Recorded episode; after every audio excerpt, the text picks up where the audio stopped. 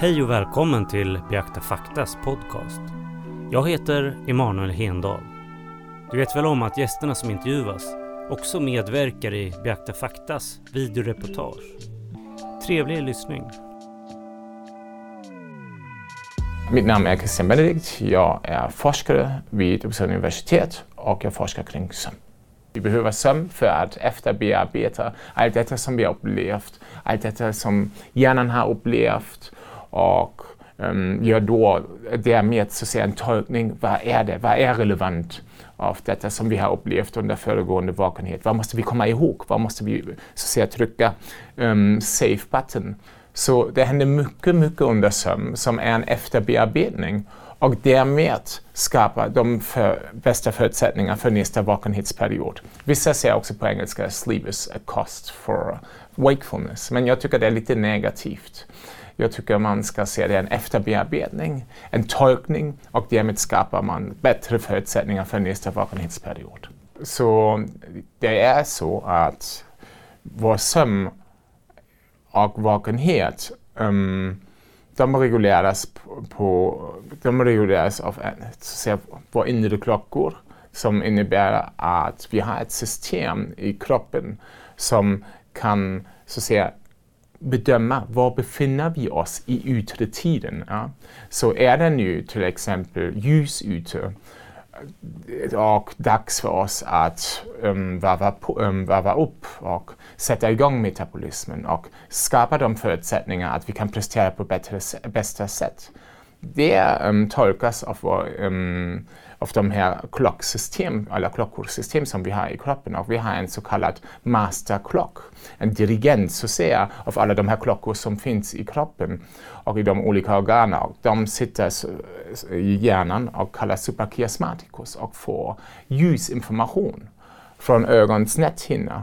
Och den här ljusinformationen ger den här masterklockan en förmåga att förstå, okej okay, när det är ljust Måste jag öka kroppstemperatur? Måste jag frisätta um, vissa hormoner, till, till och med stresshormon, för att berätta alla de här klockor som sitter i kroppen och styr så att säga, organens funktioner. Hej, nu är det dags att varva på. Nu är det dags att skapa de förutsättningar för vakenhet. Men när det blir mörkt, får den här masterclock också den här informationen. Nu är det dags att varva ner. Vi måste eh, sänka kroppstemperatur och därmed berätta alla de här klockor i kroppen. Hej, snart är det dags att um, varva ner, återhämta sig, reparera. Och till och med um, hormonfrisätts som hjälper oss att um, ja, somna, um, såsom melatonin ja, och stresssystemet, aktivitet av stresssystemet går ner och därmed skapas så de här förutsättningarna att vi känner oss redo för att sova. Visst kan man ju undra sig, är det nu egentligen viktigt när man när man hör att man ska sova åtta timmar, ska man göra det framförallt i natten eller räcker det att man sover åtta timmar över ett dygn? Och sen har man ju också kommit upp till de här åtta timmarna. Eller finns det vissa perioder som är bättre än andra? Och det som forskning visar är att man skulle ju ha sin största um, andel av sömn under natten. Och varför är det så? Eftersom vår dygnsrytm öppnar då så säga, tidsfönster under natten när sömnen kan uppfylla alla sina funktioner på bästa sättet. Ja. Kortisol som en stresshormon är väldigt lågt. Ja. Man också um, skapa, man, man frisätter mycket melatonin under natten eftersom det är mörkt. Och man vet också att vår inre klockan öppnar då ett tidsfönster där vi kan ha också mycket drömsömn. Ja. Och under dagen kan man inte ha det på samma utsträckning. Men ändå måste man ju lite ifrågasätta, måste vi ha den så kallade monofasisk sömn? Det betyder att måste vi sova 7-8 timmar i sträck under natten? Eller är det också okej okay om man sover eh, fem sex timmar under natten och sover lite senare under dagen en gång till. Och man vet ju att det finns vissa länder där de har en väldigt lång så säga, siesta och långa tupplor. Ja. Um, så man måste vara väldigt försiktig när man tror det är så inbyggt att vi måste sova åtta timmar i sträck i natten. Det tror inte jag. Det finns ju också, man känner, alla känner det, den här lunchdippen i sin um, alertness, eller hur? Att man känner sig väldigt trött under eftermiddagen. Så kanske vi har också någon inbyggd tidsperiod där vi är mer benägen att så att säga vila och ja, återhämta oss. Att, att ha en tupplur kan ge dig en väldigt så att säga um, Ja, det, det, kan vara som, som en batteriladdare. Den kan en, ha en väldigt återhämtande effekt. Ja? Men man måste ju ändå vara försiktig eftersom om man har typ 10, 15, 20 minuter och undviker att man går ner för djupt i sömnen räcker det ändå att du stänger av den här eh, yttre intryck och hjärnan kan ta en djupt andetag in och ut och därmed skapar så att säga de här um, effekten att du därefter när du vaknar känner dig som en ny person. Men om du sover för, för länge under dagen kan det vara så att du går också väldigt djupt i sömnen och när man vaknar utifrån djup sömn under dagen känner man sig väldigt trött. Det kallas sleep inertia. Så att man verkligen säger att jag ångrar mig att jag bestämde mig att ha en tupplur. Nu känner jag mig ännu sämre som jag gjorde jämfört med innan jag började min tupplur.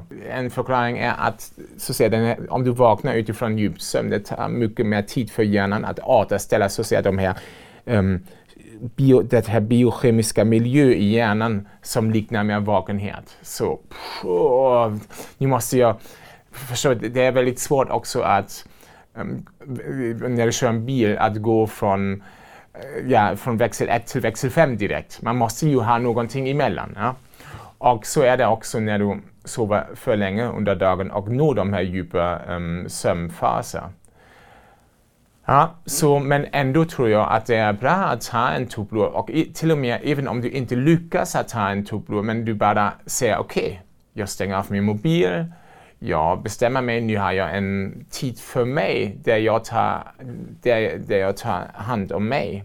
Hänsyn om mig. Jag har en downtime nu och är inte tillgänglig för andra. Även om du inte lyckas sova eller somna är det ändå bra för dig eh, och hjälper dig att ladda dina batterier. Så, men vad är det egentligen när man sover? Hur ser det ut? Är det en specifik tillstånd? Och det är definitivt så att när man sover är det in, inte så att man um, släcker ljuset och hjärnan är inte aktiv. Det är bara an, en annorlunda aktivitetsmönster jämfört med vakenhet, men man kan inte se att hjärnan är inte aktivt. Nej, den är jätteaktiv men på en annorlunda sätt. Och det som man vet är när vi, befinner, när vi somnar går vi genom olika sömnfaser. Det finns sömnfas 1, 2 och 3 där du går stegvis djupare och djupare i sömn som kallas också non-rapid eye movement sleep um, um, phases ja, eller icke-drömsömnfaser. Och du går som jag sa stegvis djupare och djupare i sömn och djupare betyder att din, eh, din hjärnans aktivitet blir mer synkroniserad så du når högre, högre aktivitet, eh, hur kan man säga, din, de hjärnvågor blir större men långsammare. Ja? Och den här aktiviteten ser du när du på den största utsträckning när du når så säga djup sömn. Och efter du har haft så säga, din första längre period av djup sömn fortsätter du med drömsömn eller Rapid Eye Movement Sleep, som är en väldigt spännande um, sömnfas eftersom när du kollar då på hjärnans aktivitet ser det som vakenhetsliknande eh, ut som vakenhet. Det är mycket på gång i hjärnan. Och samtidigt är man paralyserad, så man, man kan inte röra sig. Ja, och ögonen i början av drömsömn rör sig väldigt snabbt. Och där tillsammans representerar en så kallad sömncykel som kan vara mellan 90 till 120 minuter.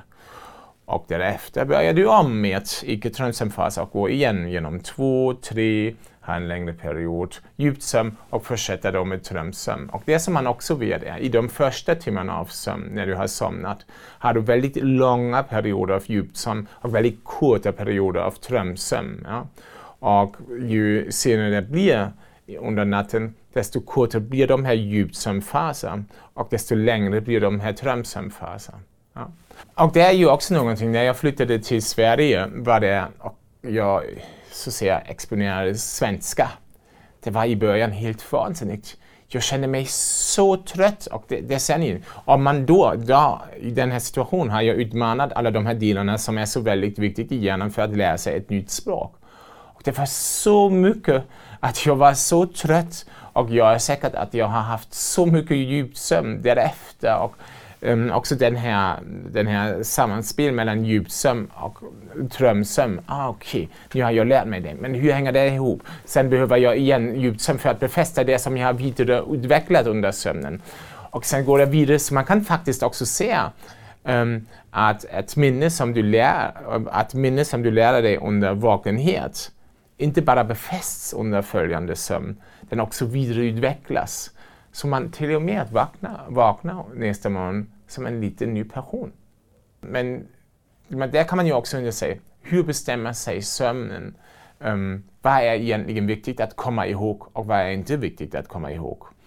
Och man vet att särskilt sånt som har en emotionell knytning, ja, sånt som eh, var väldigt positivt, där du till exempel fick mycket beröm. Det gjorde du jättebra, fantastiskt! Ja? Det är ju någonting som du vill också komma ihåg framöver. Varför? Du vill ju ha socialt beröm i livet. Det är någonting som eh, tillåter dig att att din personlighet visar ännu mer tillväxt och du blir ännu mer, har ännu mer självförtroende. Så det är någonting som jag vill komma ihåg framöver, eller hur?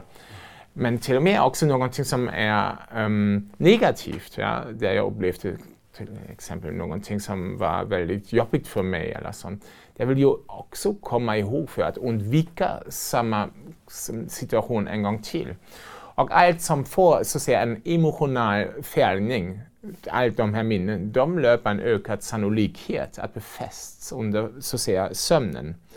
Men mycket minne som är kanske inte så relevant ja, när man går till exempel från arbete till, ja, du, du, när jag är på väg hemma, där kommer jag att träffa mycket folk och min hjärna kommer ändå att bearbeta hela tiden den här sinnesintryck. Men jag måste inte komma ihåg allt, eller hur? Jag måste komma, inte komma ihåg vilka personer träffade jag på min väg förra veckan tisdags när jag gick från um, arbete hemma. Och jag måste inte heller komma ihåg vad har jag ätit um, eller vad åt jag förra veckan tisdags till frukost. Det är information som vi måste inte spara och det är ju också viktigt att hjärnan använder sina resurser på bästa sättet. Hjärnan kan ju inte visa tillväxt eller vi ansluter en external hard drive, eller hur? Så man be hjärnan behöver ja, måste effektivisera användningen av sina resurser. Och det som man vet som händer också då under um, sömnen och framförallt under djupsömnen är att vi um, då tar bort mycket av de här nybildade kopplingar som har kopplats till minnet som är icke-relevant. Det kallas synaptic downscaling. Ja. Synapser. Precis, synapser, så de här kontaktytor mellan nervceller som bildas för att de skapar så att säga en uttryck, äh, intryck, bearbetar en intryck. De bildas ju och hela tiden får vi ju mycket information, men också information som är inte relevant. Och de här kontaktytor, de här synapser, de kostar pengar, energi. Och hjärnan måste ju säga nej, men vi måste använda det på bästa sättet. På, jag kan ju inte göra, göra en, ha så många kontaktytor som, som, som möjligt. Jag vill använda det på bästa sättet och därför kom, hände då den här pruning, att de här synapserna tas bort, de mesta, tas bort under sömnen. Men de som har fått då någon väldigt stark koppling till någonting emotionell upplevelse, de ska läras också ner, men inte på samma utsträckning. Och det tror man är så att säga, också en förklaring varför de befästs. Ja. Man tänker sig då att, att, att gilla det som du gör kommer också hjälpa dig att befästa det som du gör under följande sömn. Ja. Så man skulle ha en väldigt så att säga, positiv, försöka att ha en positivt synsätt på det som man har. Som jag tycker som folk skulle komma ihåg när vi pratar om sömn är att, och de frågar mig då, vad kan jag göra för att så att säga, för, förbereda min sömn eller skapa bättre förutsättningar att jag kan somna då under kvällen. Det som jag säger till dem är, komma ihåg att vakenhet i helhet är en förberedelse för sömn Och sömn är en efterbearbetning av vakenhet och därmed skapar de eh, för, förutsättningar för nästa vakenhet. Så du ser, de spelar tillsammans. Det är en team. Men det innebär också att man kan inte då bestämma sig, okej, okay, den sista timmen innan jag eh, um, ähm, lägger mig, där satsar jag plötsligt på sömn och försöker att skapa förutsättningar att sova bättre. Som är ju, jag inte ifrågasätter att man skulle inte göra det, men jag tycker man skulle också förstå vakenhet i helhet räknas i den här sammanhanget. Det betyder första sekunden när du är vaken till sista sekunden när du är vaken. Den här hela tidsperiod är relevant för din sömnförberedelse. Och forskning har till och med visat att när du vaknar under morgonen och exponerar dig um, ljus, särskilt solljus som är så att säga den bästa eftersom det är så mycket, det är mycket starkt och um, ja, mycket starkt ljus som innehåller också mycket blåljusandelar eller blåljusfärg. Um, den hjälpa oss att se vår inre klockan som vi har pratat om att förstå. Ah, nu är det dags att sätta igång kroppens metabolism. Nu är det dags att öka kroppstemperatur. Att, nu är det dags att producera serotonin som gör oss så pigg och um, positivt. Ja? och öka vår, eh, förbättra vår humör. Så skapa alla de förutsättningar att ta de här utmaningarna som vi har då under vakenhet. Och tvärtom är det under kvällen viktigt att man då förstår, okej, okay, under morgonen är det viktigt att få mycket ljus, också under dagen, men under kvällen ska man inte göra det på samma utsträckning eftersom annars kommer man då lura sin inre klockan och berätta sin inre klockan, hej, när man utsätter sig mycket artificiell ljus ja, från mobil, eh, mobila eller skärmar, överhuvudtaget eh, från skärmar. Så hej, nu är det dags att um, stanna vaken. Det är fortfarande väldigt ljust där ute. Det är inte dags för oss att så att säga lägga sig. Vi, vi, vi får en liten sommarkänsla när vi utsätter oss då artificiellt ljus och man vet ju att vi sover mindre i genomsnitt under sommaren jämfört med vintern. Men problematiken är att morgonen därpå måste du ju ändå vakna väldigt tidigt om, för att komma till skolan eller till arbete. Och därför är det viktigt att man förstår utsätta dig mycket ljus som styr din inre klockan som, eh, och berättar din inre klockan nu är det dags för vakenhetsperiod under dagen.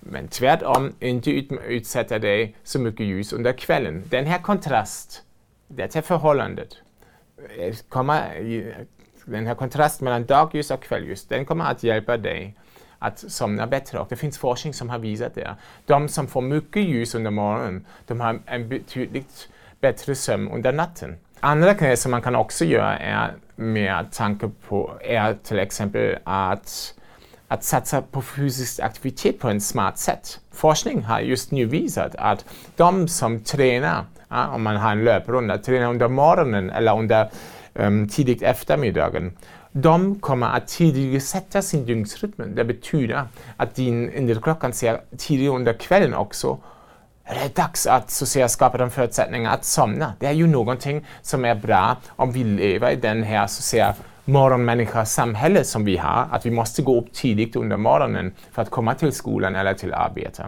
Om man gör det på kvällen har forskning visat att man då fördröjer um, ehm, sin dygnsrytm och sånt som melatonin som frisätts eller din kroppstemperatur som går ner under kvällen de här grejerna händer senare under kvällen. Men det innebär också för dig att du känner dig senare under kvällen sömnig.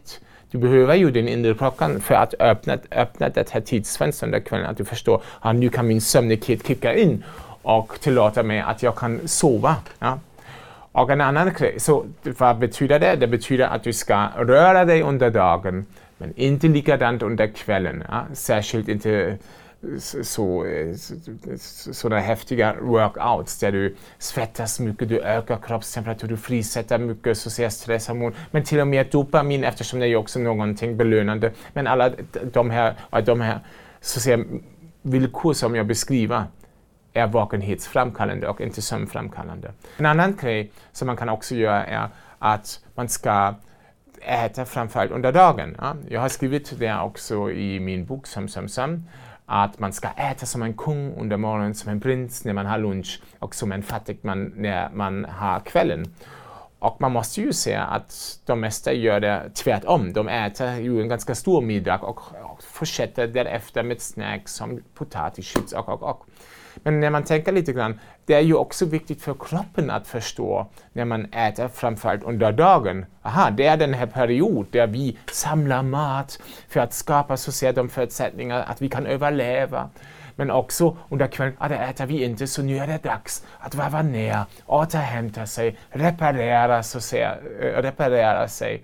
Och om vi stoppar in då mat eh, dygnet runt så att säga, är det också svårt för de här matklockor i periferin att fatta var befinner vi oss. Och de skickar ju också signaler upp till hjärnan. Ah, okej, okay, nu är vi på gång. Eller nej, nu verkar det så att vi har nått en period där vi vilar ner, äh, går ner, varvar ner. Så man ska göra, när man tänker på sin sömn, ja, ska göra kräver framförallt under dagen. Ja, ljusexponering, rörelse och fysisk aktivitet och man ska äta under dagen och inte likadant under kvällen. Och de här kontrasterna kommer att hjälpa dig att ha en bättre dygns, att hjälpa din dygnsrytm att förstå bättre när det är dags att vara, att vara aktivt och när det är dags att vara ner. Och det kommer också hjälpa dig att ja, anpassa dig bättre den här morgonmänniskan um, dygn, äh, morgonmänniskosamhälle. Ja. Att det finns mycket diskussion i media överallt att våra tonåringar får inte tillräckligt sömn. Och det finns ju också nu den här um, diskussion kring surfplattor, mobila och det är så att säga den jävel som tar bort deras sömn. Men man måste ju också säga um, det gäller ju också ganska många vuxna, så det är inte bara tonåringar som missbruka de här um, skärmtid. Ja. Men det är extra viktigt. Det, men det är ändå extra viktigt att de visst um, sover tillräckligt eftersom när du går genom puberteten, eller även till och med barnen använder ju mycket skärmtid nu, eller har mycket skärmtid det är ju viktigt att um, de får sin sömn och skärmtid är ju någonting som är väldigt spännande också för hjärnan, eller hur? Den är så nyfiken att utreda någonting nytt och man kan ju the world wide web, Eh? världen öppnar sig med, med så en enkelt verktyg som en surfplatta eller en mobil. Och det är ju spännande och de här olika sociala nätverken, de som Facebook eller Instagram och så vidare, de utnyttjar ju också så att säga, den här nyfikenheten och vet, ah, där får du en liten hjärta eller en thumbs up och det är ingenting annat som social bekräftelse som du vill ju få. Vi alla strävar e-, efter social bekräftelse. Det är Väldigt problematiskt är att vi blir mer och mer distraherade. Eller hur?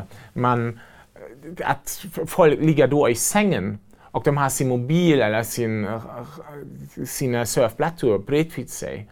Och fast de är inte på gång, att de ändå vaknar under natten för att kolla om det kan vara någonting. Som hjärnan är ju inte dum, den är så nyfiken och är så att säga aroused och vet då under natten, ah, vi kanske skulle kolla upp nu, det kan ju vara någonting som är intressant. Så det finns en, om du har dem bara i rummet, en distraktion som kan leda då till en fragmenterad sömn. Och det, det, de har gjort nu en, en enkätstudie i Australien med 100, 180 000 um, barn och tonåringar. Och det som de har kommit fram med är att 25 procent av barnen mellan 7 till 8 år ja, använder minst, minst två gånger sina um, um, screen-based technologies mellan 22 och 6.00.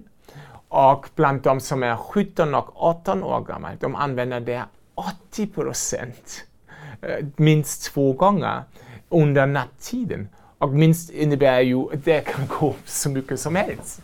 Så och det är ju någonting som är absolut inte bra. Visst vet vi, blåljus är den mest potenta för att lura in klockan. Så det är bra att använda sådana appar eller ja, att minska exponeringen. Men man vet också att de mesta då reagerar med att öka brightness eller ljusstyrka för att det ser ju inte så lockande ut för mig.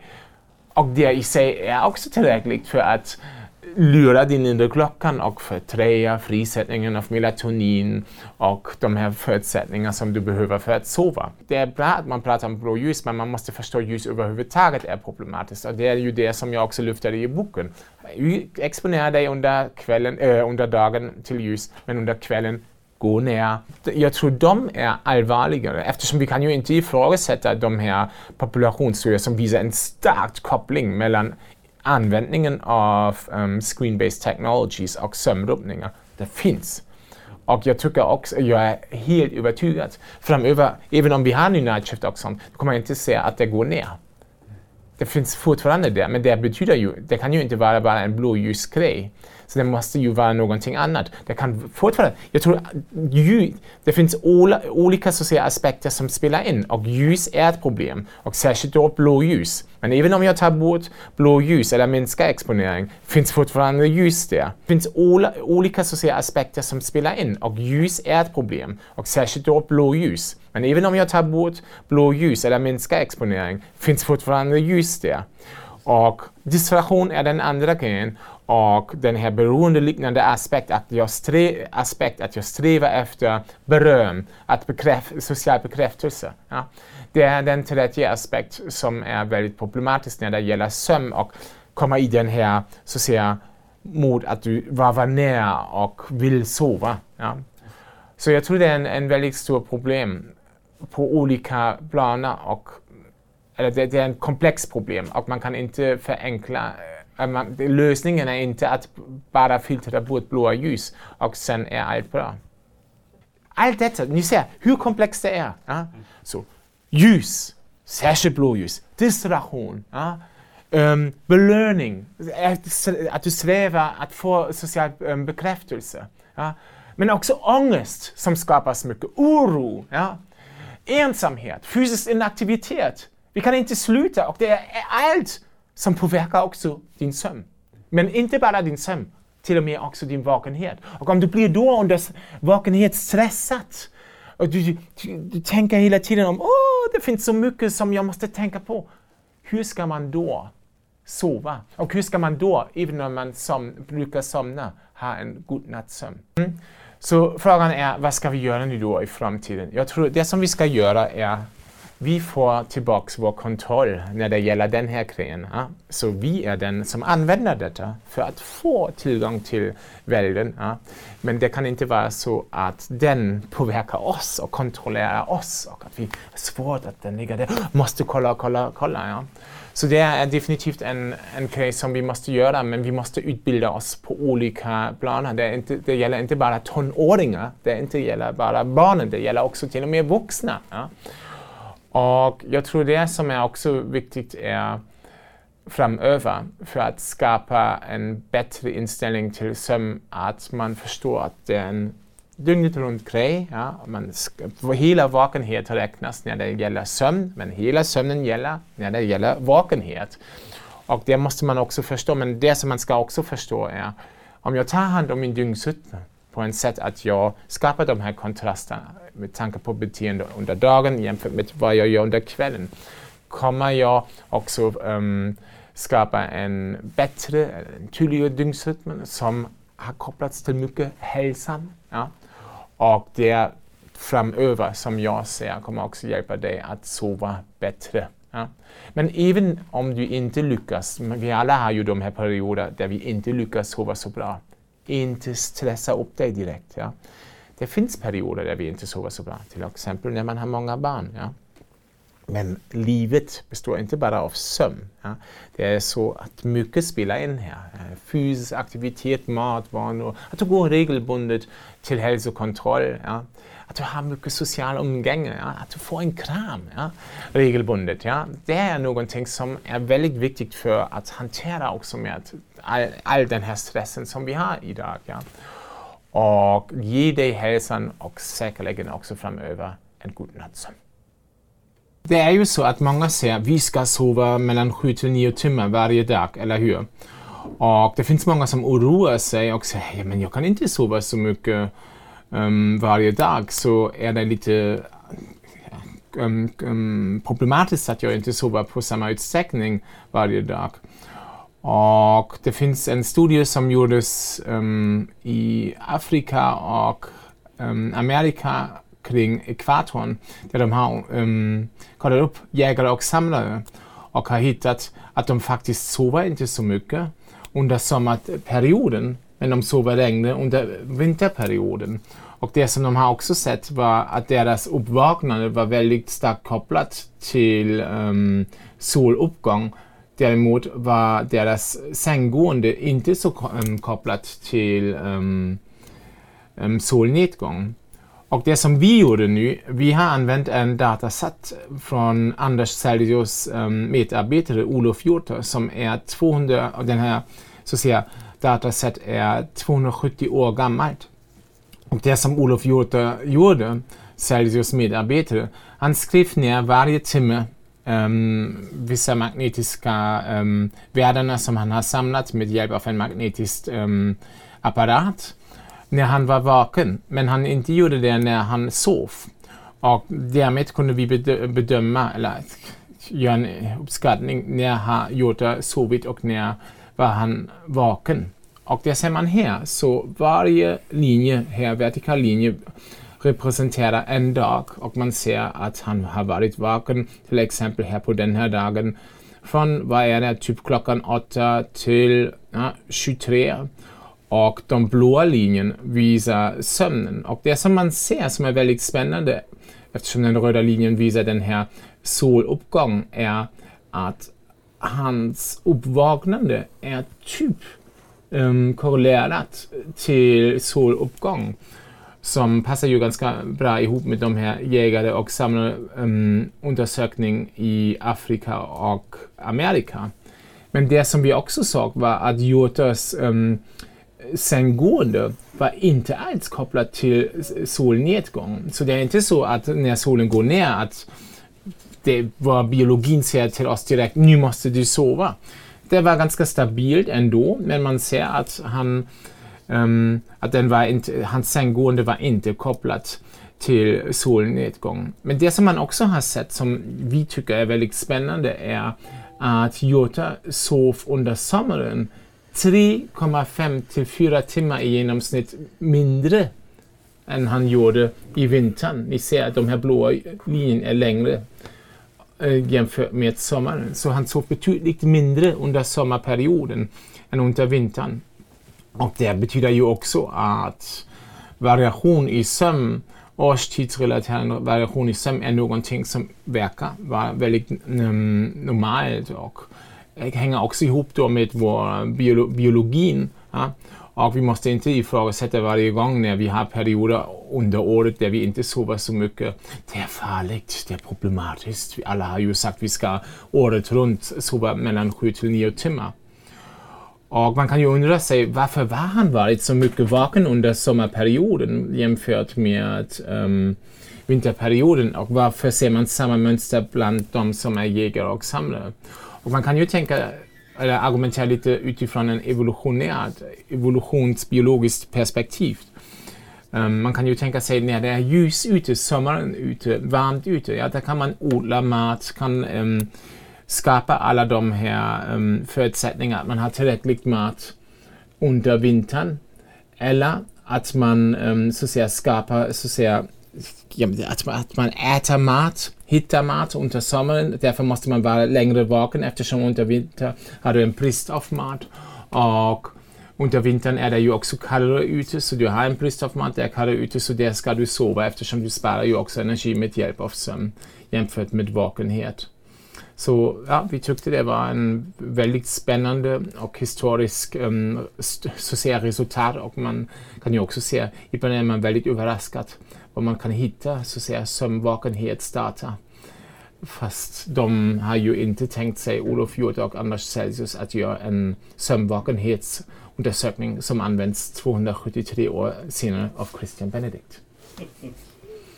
Men vi använder ju också kvällen för att interagera mycket, så man kan inte säga kvällen är någonting som det, det, det är en typ um, onaturligt beteende att vi är aktivt och interagerar med varandra. Ja? Vi ska ju vara nära. Nej, du ser ju också här i den här undersökningen som är så otroligt gammalt 270 år. Och även bland de här undersökningarna som gjordes med um, bland jägare och samlare, att vi, vi använder kvällen för sådana sociala aktiviteter och vi behöver så att säga också en kvällen för att kanske ha en period under dygnet under vakenhet där vi har så att säga också den möjligheten att göra någonting för oss. Som är inte relaterat så att säga för överlevnad, förstår vad jag menar? Som, jag måste hitta mat. Det är ju så, våra ögon är ju inte skapat för att jaga då under kvällen, eller hur? Ja, vi är, även vår dygnsrytm är ju mer skapat att vi är aktivt och varvar upp under så att säga ljusdelen av um, dygnets cykeln. Ja. Men uh, vilken tid uh, somnade han ändå? Då? Ja, men det var så mellan, du säger, ibland, det, det var typ 23, ganska, men det, varierar, det finns ju ändå variation, ja, men du ser ju typ, man har så, den här känslan är det typ 22, 23. Men det som man vet också... Men att efter, eftersläpning kanske inte är något konstigt? Då. Men det som man måste också se är att personer till den här tiden, ganska vanligt, har, har delat sin nattsömn i två delar de vaknade också under natten för att prata med varandra eller för att gör, äta någonting. Så det finns många så säga, historiska um, bevis för detta. Att de har delat nattsömnen i två delar. Så man kan inte säga det som vi visar här är så att säga vi har skrivit time in bed men man kanske, kanske skulle ha varit bättre att skriva rest. Ja, förstår vad jag menar? Eftersom det, man kan ju inte säga vi vet att han har faktiskt sovit så länge. Men vi vet på grund av att han skrev det också ner i sin dagbok. Han var väldigt så att säga um, entusiastisk att göra de här mätningarna för Anders Celsius och slutföra detta eftersom Anders Celsius till den här tiden dog också. Um, att slutföra detta. Eh, han var väldigt passionerad och var väldigt noggrann att skriva ner de här så att säga, magnetiska undersökningarna och ha den här logbok för detta. Så man kan ju definitivt tänka sig att, det, att han har under den här tiden så ser slappnat av och pff, är det så, wow, det är så, är det så, wow. Det är en nackdel att ha en hund. Åh! ja men det är ju bra. är det så, du, du, du, du, du slappnar av också ganska mycket. oh. När du kollar i djurvärlden ser du att till och med alla djur sover eller visar någon tecken av um, vila jämfört med aktivitet. Som är ju jätte, även sånt som um, jellyfish eller sånt. Ja, de visar också mindre aktivitet perioder och perioder där de är mer aktivt. Och man vet att bananflugor, de har också en så att säga, väldigt tydlig vaken, söm, eh, en sömnvakenhetscykel. Och, under, och, och, och, så det, det, är ju spännande men ändå ser man stora skillnader i mängden av sömn. Elefanter till exempel, som är ju lite spännande och igen visar det, det är inte allt så tydligt som jag beskriver det. Elefanter, eh, de har gjort en undersökning. De sover till och med två timmar varje dygn. Men man skulle ju om man frågar en person så, vad tror du, hur ser det ut med elefanter? Är de intelligent? Har de bra hjärna? Så man säga absolut, de kommer ju ihåg allt och de har ju en så att säga, bra um, kapacitet, prestationskapacitet och förmågan att komma ihåg det. Men är det inte lite så att säga, i motsats till detta som du sa, att man behöver mycket sömn också. Så det finns mycket, mycket varför behöver vissa djur mycket sömn och andra behöver mindre sömn? Ja. Men det med, med hundar som man har visat, och jag har också beskrivit detta i min bok, Söm, söm, söm, är att hundar faktiskt um, de, de, har gjort en studie där de har visat att när de lär sig nya befäl, ja, som du ska sitta eller ligga eller sånt, på ett annat språk och de får ha en tupplur därefter, jämfört med hundar som får inte ha det. De gick med dem och promenerade med dem för att förhindra att de har en tupplur. Och eh, gjorde det en gång till så ser jag sedan testade de om de har nu förstått vad det innebär. Var de hundarna som fick sova eh, bättre jämfört med de som fick eh, gå ut och ha en promenad. Som visar att du behöver, även hundar behöver ju till och med sömn för att komma ihåg um, grejer och bearbeta detta som de har um, bearbetat under, um, eller som de har lärt sig under vakenhet.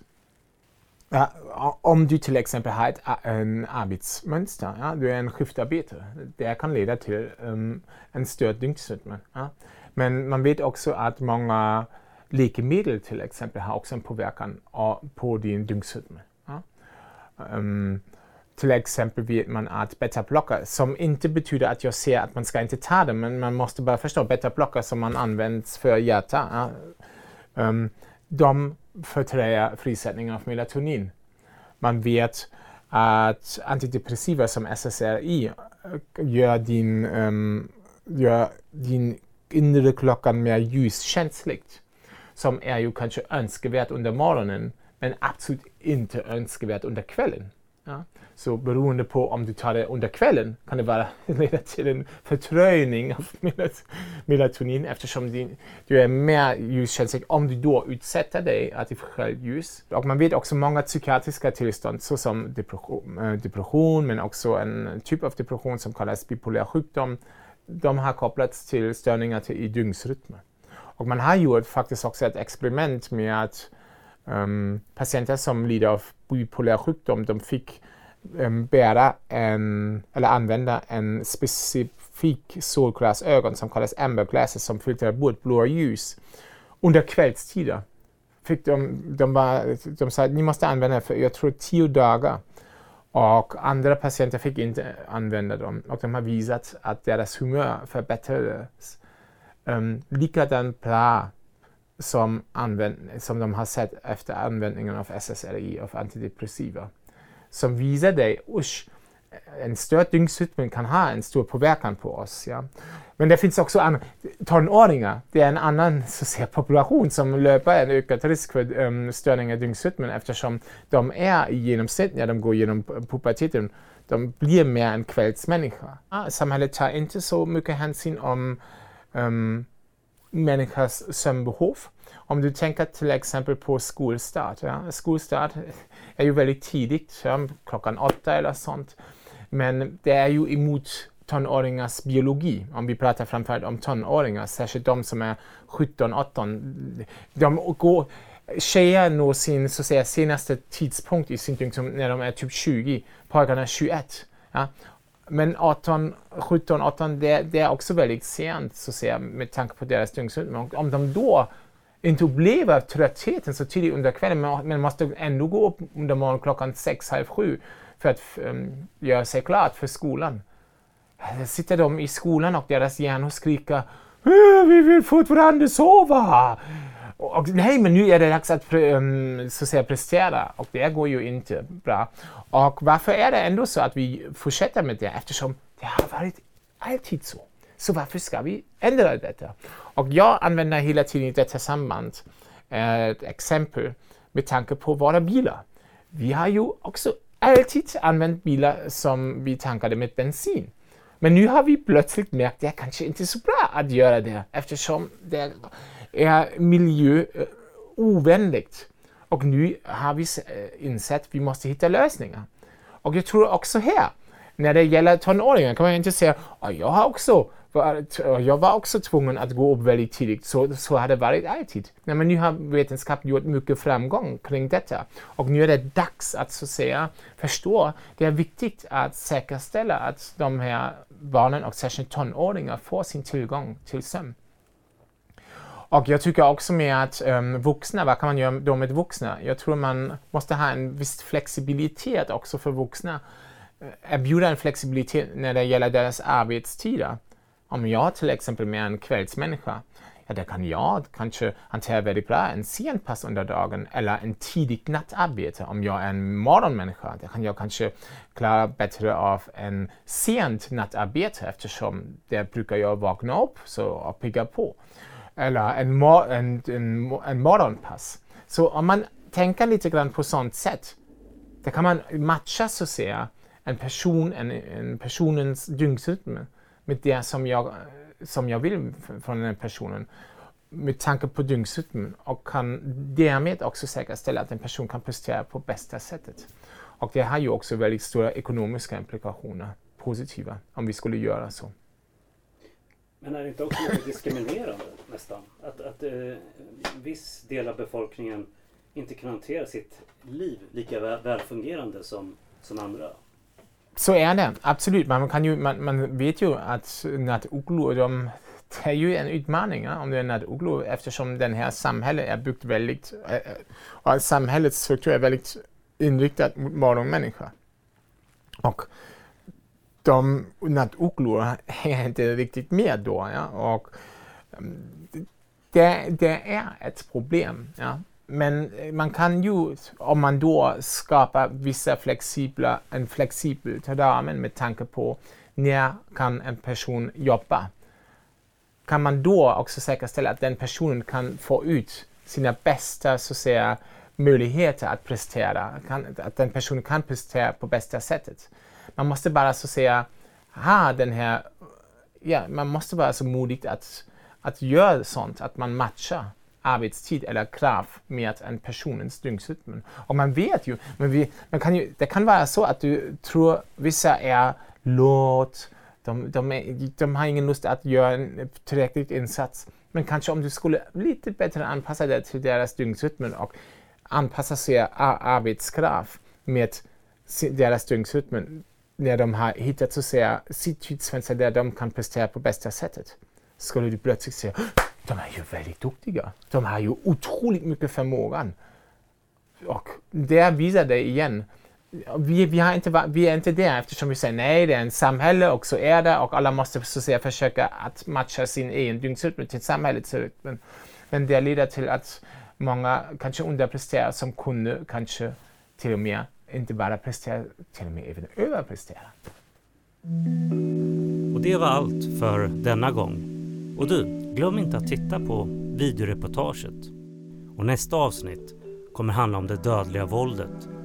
Och då är det professor Jerzy Sarnecki som är gäst. På återhörande.